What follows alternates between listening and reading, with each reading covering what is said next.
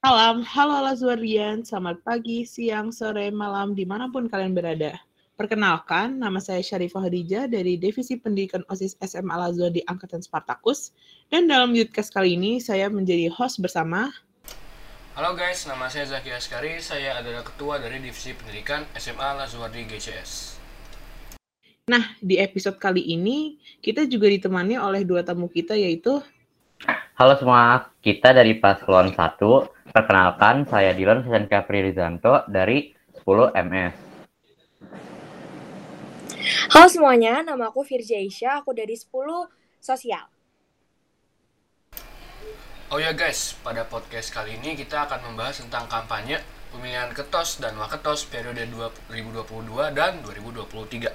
Secara pasti kampanye diadakan setiap tahunnya dengan sistem yang demokratis.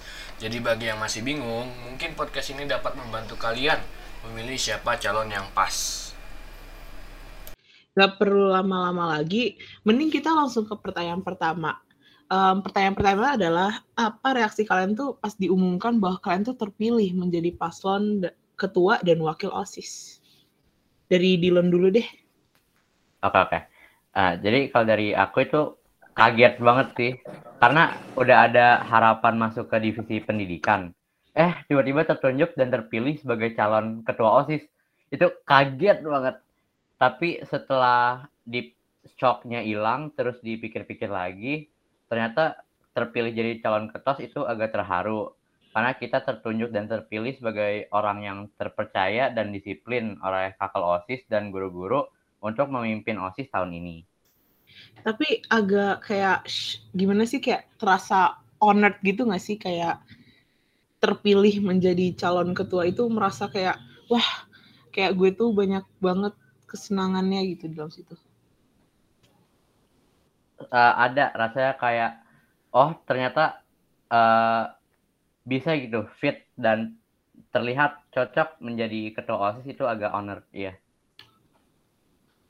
Uh, aku mau nanya nih, kalau menurut Dilon nih, uh, apa ya, jadi ketua OSIS yang pas tuh kayak gimana kira-kira? Kan kamu baru kepilih nih, nah kira-kira gimana tuh yang pas menurut kamu? Kalau menurut aku sih, kalau jadi calon ketua itu tentunya bisa serius dan disiplin. Terus konsisten juga. Tapi pada waktu-waktunya juga bisa bercanda dan bergaul. Kepada semuanya. Wah, gitu ya kalau dari Fidel. Kalau dari Virginya sendiri gimana nih? Pas Kak Alif pertama kali ngumumin kalau aku tuh kepilih jadi calon waketos, aku di dalam masker tuh bener-bener langsung nganga saking kagetnya. Sebenarnya tujuan aku di OSIS, masuk OSIS tuh sama kayak Dilon. Harapan aku besar banget buat masuk ke divisi pendidikan. Cuma emang dari awal aku tuh emang pengen buat jadi ketua divisi pendidikan gitu loh. Tapi aku tuh nggak pernah nyangka sampai kejauhan buat kepilih jadi paslon waketos. Apalagi barengan sama Dilon yang dari awal bahkan divisi yang kita pilih aja samaan. Rasa senang sama takut rasanya campur aduk di waktu yang bersamaan pas pertama kali diumumin gitu loh. Awal aku takut bakal ngecewain banyak orang tapi di waktu yang bersamaan tentunya aku seneng banget bisa jadi orang terpilih buat jadi paslon waketos. Oh gitu. Um, kalau menurut Virgi ini rasanya tuh kan awalnya jadi mau jadi divisi pendidikan gitu ya. Itu sebenarnya kecewa atau enggak tuh pas udah terpilih gitu jadi calon waketos itu? Rasa kamu gimana itu? Sebenarnya kecewa enggak. Aku malah seneng banget dan kayak ngerasa bener kata Jalan tadi honored gitu loh. Bisa dipercaya dan terpilih buat jadi calon waketos tapi keinginan buat jadi ketua divisi pendidikan tuh maksudnya bakal tetap ada. Tapi setelah mikir-mikir lagi oh jadi waketos justru bisa mimpin divisi pendidikan itu justru lebih kayak wow gitu loh ngerasanya. Uh, berarti dengan status jadi waketos itu tetap menyenangkan ya di hati kamu tuh. Dan dengan yang menjadi waketos kamu jadi lebih fleksibel bisa ke divisi mana pun gitu ya benar aku bisa maksudnya uh, gabung dengan divisi mana aja dan uh, bergaul sama mereka, ngatur mereka uh, dan bekerja bersama mereka gitu loh. Hmm, aku juga mau nanya nih, kalau misalkan nih kamu kepilih jadi divisi pendidikan nih, kamu kayak pengen jadi bikinnya tuh sama gak kayak misalkan kamu mau bikin apa apa di divisi divisi pendidikan. Nah kamu pengen nargetin yang sama gak kamu sebagai wakatos ini calon wakatos? Aku nargetin yang sama buat divisi pendidikan dan divisi yang lain juga. Uh, aku juga ada beberapa proker yang awalnya aku pengen terapin ke divisi pendidikan dan aku bawa ke proker jadi paslon wakatos gitu loh. Jadi tujuan aku tetap sama. Oh jadi poinnya itu untuk tetap menjaga osis gitu ya. Walaupun di mana pun posisi kamu tetap untuk melakukan kerja dengan baik ya. Bener banget kak Syarifah. Oke oke oke. Berarti ini aku langsung nih ke pertanyaan kedua ya. Nah di pertanyaan kedua ini apa yang akan kalian lakukan kalau pas kalian tahu nih kalian terpilih sebagai pasangan calon yang kalian lakukan pertama tuh apa? Kalau uh, kita setelah diumumin itu kita langsung diskusi walaupun maksudnya tuh masih dalam kondisi puncak kaget-kagetnya gitu loh. Setelah diskusi sama Dilon, aku langsung cari Pak Sugeng, Pak Ahyar, dan beberapa anggota OSIS kayak Kamalika untuk tanya-tanya gitu loh. Gimana sih cara jadi waketos yang baik dan gimana sih nanti uh, pemilunya dan sebagai macam. Terus yang muncul di benak aku saat itu tuh cuma satu gitu loh walaupun aku lagi panik-paniknya nih. Yaitu aku tuh harus berusaha sekeras mungkin untuk bikin bangga semua orang dan pegang kepercayaan sekolah. Karena sekolah udah percayain aku buat jadi waketos jadi aku harus memegang kepercayaan mereka. Ah, jadi dengan memegang kepercayaan sekolah itu bisa membuat kalian itu kayak gimana ya? Kayak lebih semangat untuk kampanye pasti ya untuk benar-benar menjadi calon pemimpin istilahnya di OSIS nanti ya. Benar, Kak. Hmm, gitu. Kalau uh, ini aku mau tanya nih, kamu kan mau berusaha keras nah. Itu kayak berusaha kerasnya tuh kayak gimana nih? Aku mau tahu ini. Sama biar megang kepercayaan sekolahnya kamu kira-kira gimana itu? Buat megang kepercayaan sekolah ya step pertamanya of course harus berusaha keras buat jadi calon waketos. Aku harus benar-benar niat misalkan kayak uh, ngerjain pem, ngerjain tugas tes-tes yang dikasih buat jadi pemilu terus uh, belajar-belajar kepemimpinan gitu-gitu. Pokoknya yang bikin yang bisa bikin bangga. Oh gitu yang yang bisa bikin bangga itu kayak gimana misalkan? Kayak yang bisa bikin bangga pokoknya selama aku berusaha sebisa mungkin dan nggak ngecewain menurut aku itu udah bikin bangga orang.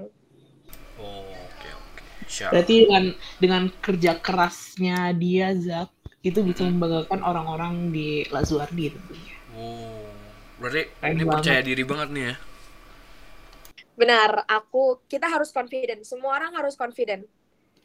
Kece banget. Nah kalau Dilan gimana Dilan bener sih kata Virgi. Ya, jadi setelah diumumin kita jadi paslon satu itu kita langsung berdiskusi kayak ini ke depannya mau gimana dan bagaimana. Walaupun kondisinya itu masih shock, bener-bener shock banget gitu. Hmm.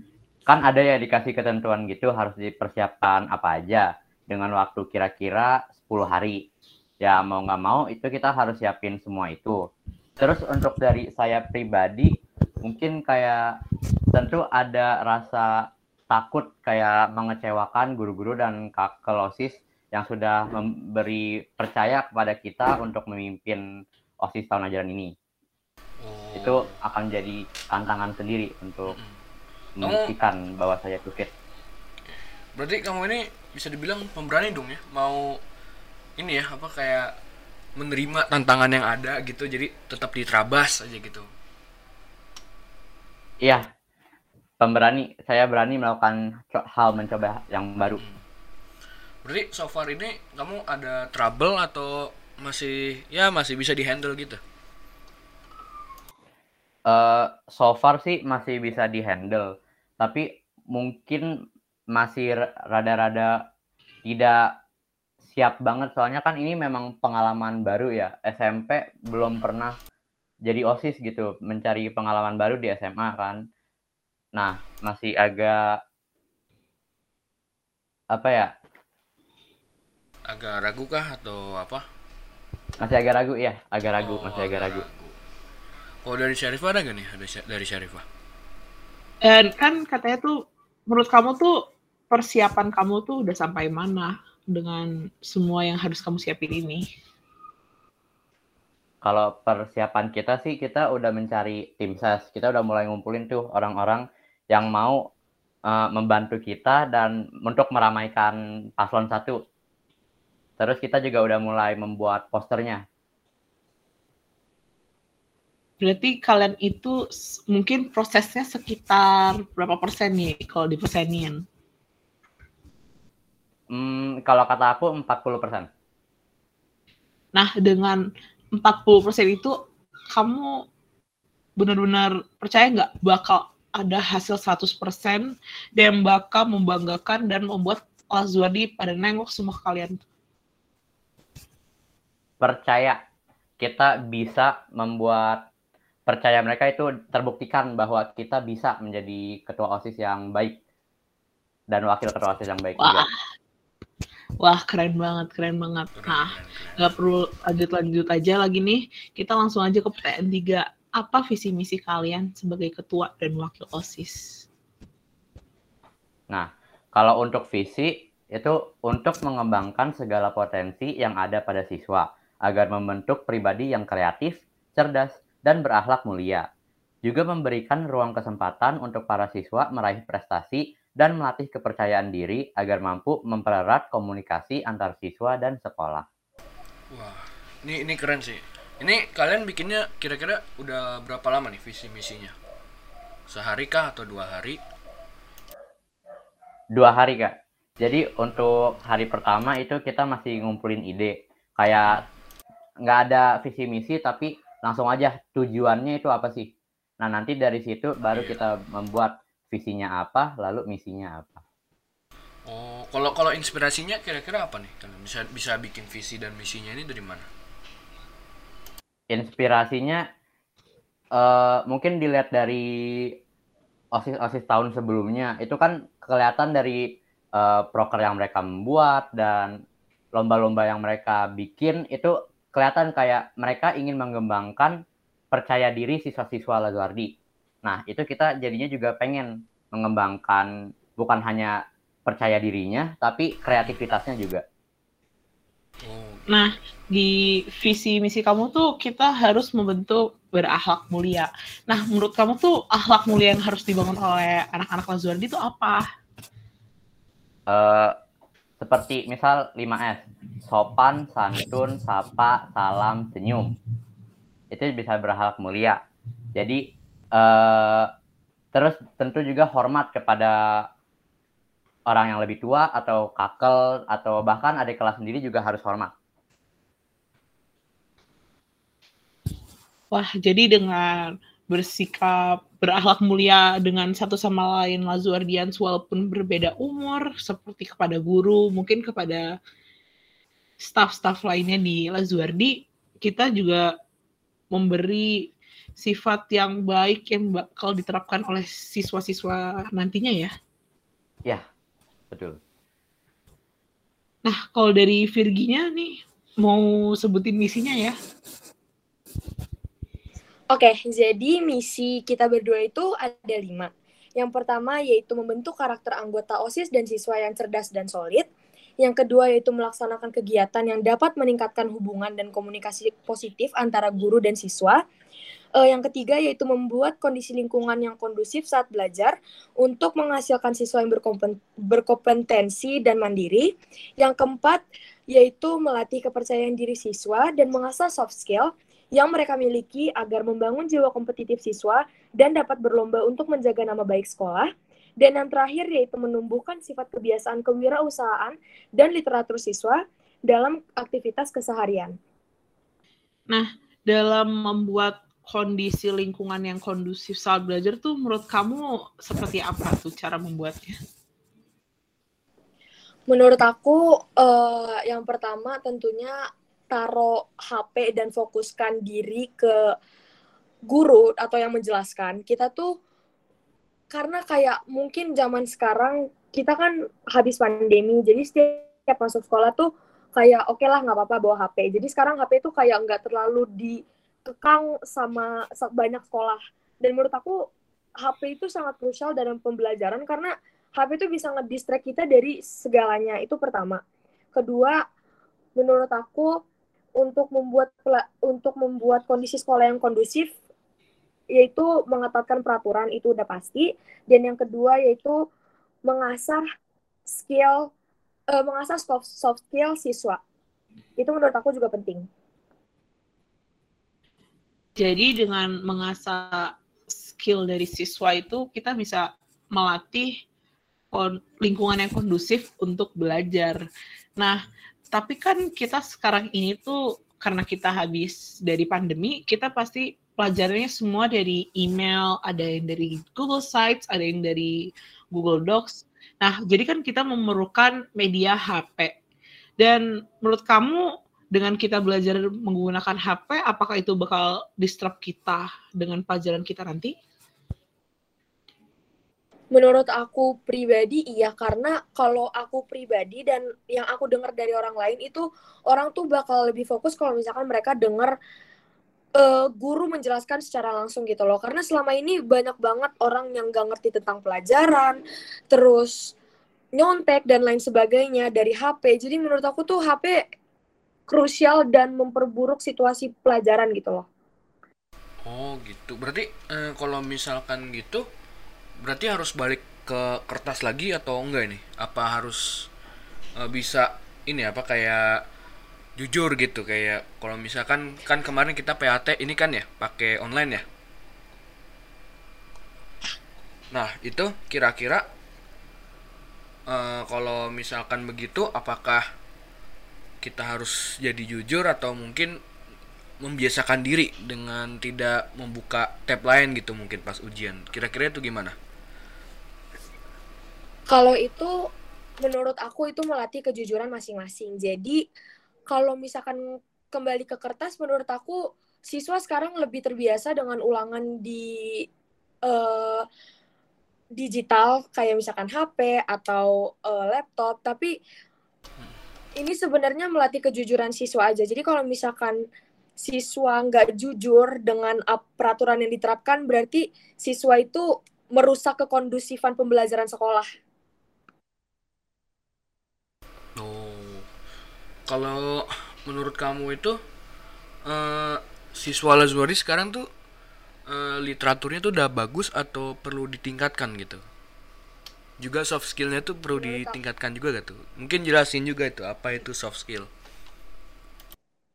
Menurut aku Lazuardi untuk literaturnya dan soft skillnya udah bagus banget. Mulai dari uh, kita kan ada program program reading session terus ada uh, English Club itu juga English Club meningkatkan literatur uh, pembahasan luar negeri. Terus kayak ada juga lintas minat Mandarin, uh, Jerman, Jepang. Itu menurut aku meningkatkan kualitas literatur siswa Lazuardi gitu loh.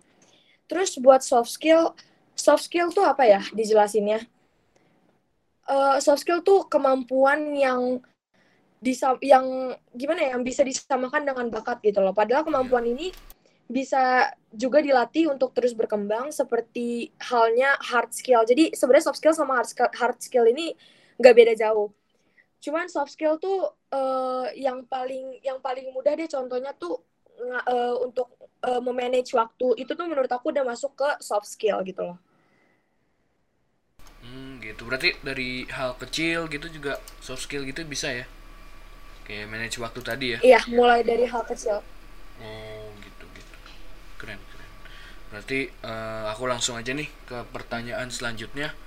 Pertanyaan keempat. Nah uh, di pertanyaan keempat ini aku mau nanya nih. Apa aja proker program kerja yang kalian udah siapkan buat di Lazuardi ke depannya Oke, jadi uh, proker yang aku sama Dilon siapin itu ada enam. Yang pertama yaitu ada market day nih. Jadi market day itu uh, di mana siswa Lazuardi bisa menyalurkan berbagai ide melalui gerai jual. Lalu setengah uangnya nanti harus didonasikan kepada yang membutuhkan seperti panti jompo atau panti asuhan. Market, terus market day ini nggak diadain setiap hari ya guys. Jadi market day ini akan diadakan satu kali setiap akhir semester sebelum kelas meeting. Jadi untuk refreshing. Terus yang kedua ada school radio. Jadi school radio ini diadakan untuk mengisi waktu luang siswa di saat para siswa sedang beristirahat. OSIS di sini akan membantu untuk mengisi waktu luang siswa dengan berbagai macam talk show, daily song request, dan tilawah Quran. Habis itu ada website feedback siswa. Website yang dibuat nantinya akan menjadi tempat teduh siswa untuk bisa bebas mencurahkan isi hati tentang tentang hari mereka dengan bersifat anonimus. Jadi uh, kita nggak bisa tahu siapa yang ngirim pesan itu. Semua feedback yang diisi oleh siswa nantinya akan diberikan kepada guru untuk evaluasi. Wah, jadi kalau dari dari tiga dari enam itu sebenarnya very interested ke website feedback siswa.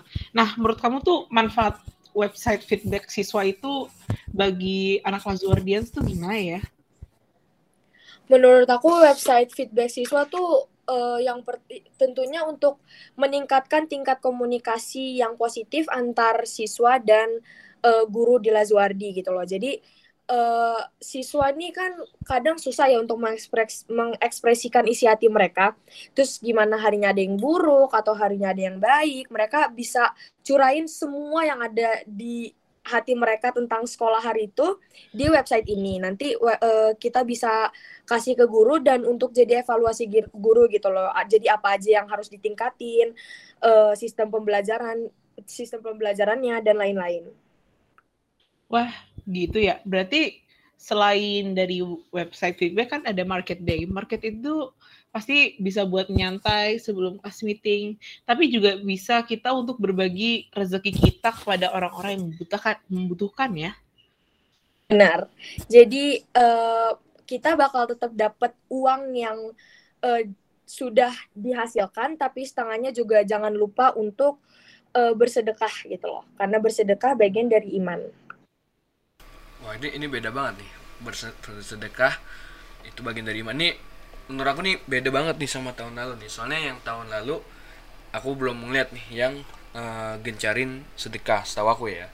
Tapi aku mau nanya juga nih kalau di bagian school radio nih kan ada tilawah Quran juga terus juga ada talk show dan daily song request.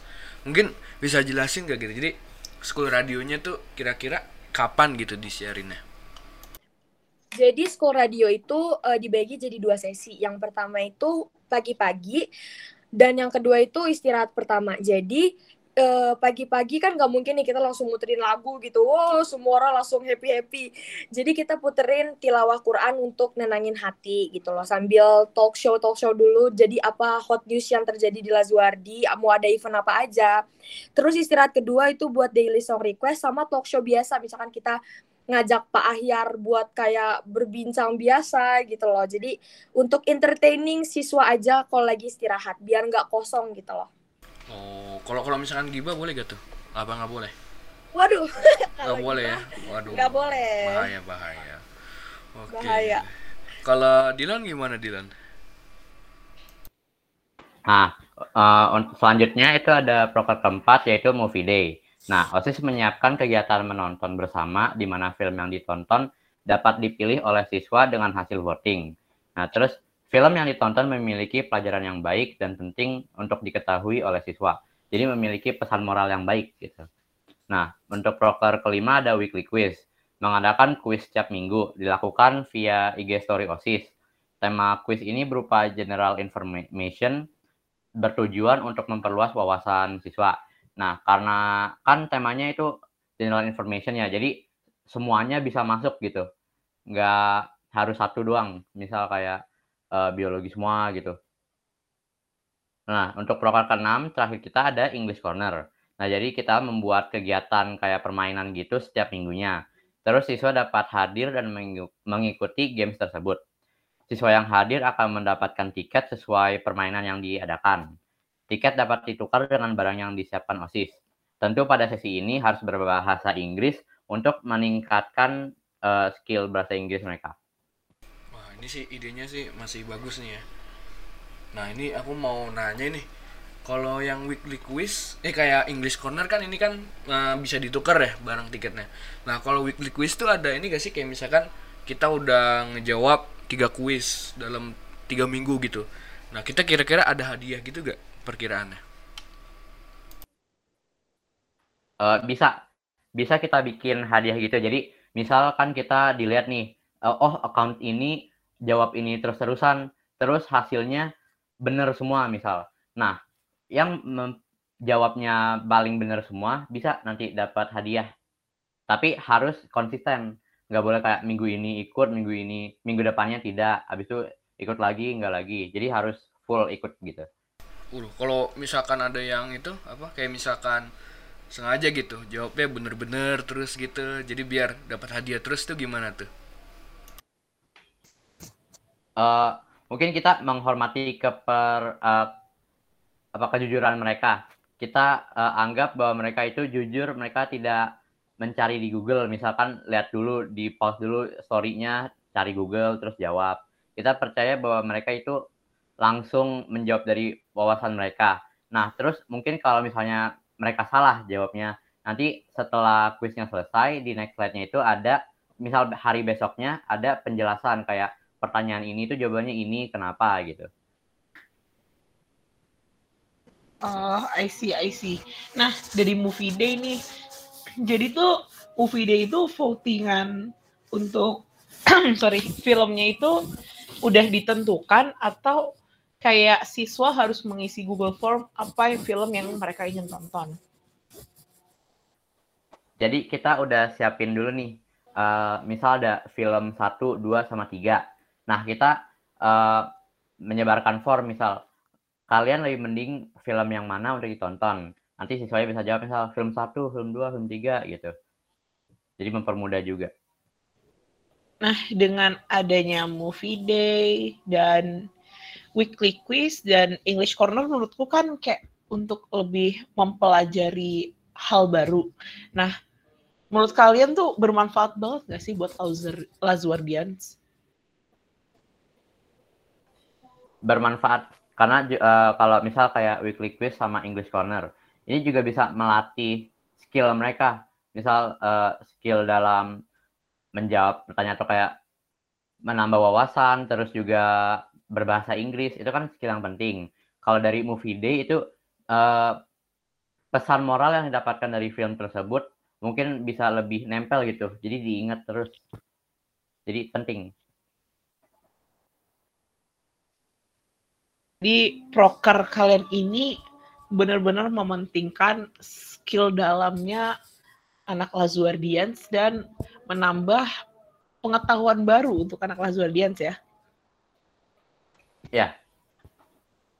Wah, berarti kita lanjut aja nih. Kita nggak lama-lama lagi, kita udah masuk ke pertanyaan terakhir.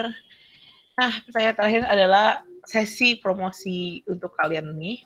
Coba tunjukkan kenapa kalian harus dipilih sebagai ketua dan wakil OSIS. Kalau menurut aku pribadi ya, Virgi itu orangnya berkarismatik banget. Public speakingnya juga bagus, mudah bergaul, dan juga kreatif. Dia orangnya yang bisa dengan mudah menyampaikan pesan pada seseorang dan mengatur mereka ke posisi masing-masing. Aku yakin dengan ini, Virgi bisa menjadi wakil ketua OSIS yang baik. Nah, kalau dari point of view aku nih, uh, yang aku yakin pasti juga disetujui sama banyak orang, yaitu Dilon tuh orang yang sistematis banget. Dia juga mudah bergaul dan suka merangkul orang untuk melewati susah dan senang bersama. Uh, Dilon juga orang yang pemikir dan sigap kalau bekerja dan dengan ini aku yakin banget Dilon bisa jadi ketua OSIS yang keren dan baik dan bisa dipercaya sama semua orang. Yes, jadi aku tuh kayak ot semacam otaknya dalam organisasi dan Virgi tuh motor untuk menjalankan kegiatannya gitu. Bener banget, Dilon. Kita super kompak dan siap menjalankan tugas sebagai ketua OSIS dan wakil ketua OSIS. Jadi jangan lupa pilih paslon nomor satu ya. Wah, jadi promosi kalian kece banget nih. Ternyata kalian tuh memiliki jiwa berpasangan dengan baik dengan Virgi dengan modelnya sendiri dan Dilon dengan modelnya sendiri, kalian bersatu menjadi sebuah tim yang sangat kuat ya. Yes, jadi kan dalam berorganisasi itu kan nggak ada individu ya, kita saling melengkapi kekurangan masing-masing gitu. Dengan membangkit peran masing-masing itu, kalian berarti menunjukkan bahwa kalian itu berani untuk memimpin dalam kebaikan Lazuardi berarti ya. Benar, kita siap untuk uh, memimpin OSIS dan menjaga nama baik Lazuardi. Dan kita juga yakin akan hal itu. Budih, mantap, mantap. Kalau kalau misalkan nih ada worst case gitu ya, nauzubillah kayak misalkan ada sesuatu yang bikin memecah belah gitu. Nah, itu kira-kira kalian bisa tanganin gak tuh dan cara ngeyakininnya tuh gimana tuh uh, harus bisa ya menanganinya. Soalnya kan uh, osis gitu. Kalau misalnya osisnya udah ada terpecah belah kayak divide gitu antara tujuan ini dengan tujuan ini maka nanti murid-muridnya juga bakal nggak bisa fokus gitu. Nah makanya untuk memecahkan masalah itu kalau misalnya terjadi uh, dua cabang misal kayak dengan opini ini dengan dan opini lainnya itu kita harus berawal dulu ke apa yang dipermasalahkan. Kenapa kita bisa menjadi terbelah dua gitu. Nah lalu uh, diskusi lagi kayak tujuan dari opini ini dan tujuan opini satunya lagi pasti kan ada tujuan yang sama kan? Nah itu kita uh, saling me me memberi masukan gitu. Kayak menurut aku tuh harusnya seperti ini. Nanti akhirnya kita bisa bersatu tujuan lagi gitu. Nggak terpecah terpecah belah dua. Jadi harus ini ya eh, bisa dibilang kayak terbuka gitu dari adanya saran ataupun kritik gitu ya? Iya harus terbuka banget itu penting. Oh kira-kira kenapa tuh? Kenapa penting banget? Karena kan semua orang itu punya hak ya untuk memberikan hmm. opini mereka. Dan kita juga harus mendengarnya. Oh begitu. Mungkin ada tambahan mungkin dari Virja atau Syarifah? Aku sih lebih mau nanya ke kalian berdua. Aku udah setuju banget apa kata Dilan. Apa tuh kak?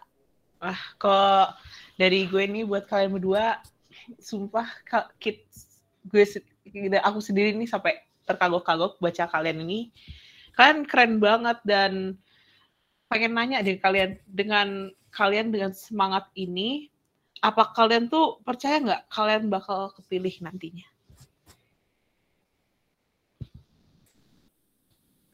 Waduh gimana nih Lon? Harus pede dong percaya. kan ini udah keren banget kita. Harus percaya harus percaya diri ya Lon. Iya. Kita harus confident kayak apa yang aku kayak apa yang aku bilang tadi. Semua orang harus confident. Jadi kita harus percaya diri kalau orang-orang percaya sama kita dan mau uh, kasih suara untuk kita gitu jadi kayak confident is key ya yes wah keren banget oke mantap mantap yes confident is the key to everything Ah, keren, keren, keren. Mantap banget. Berhubung kita udah di penghujung acara nih dalam podcast ini, apakah ada yang mau ditambahkan dari Zaki?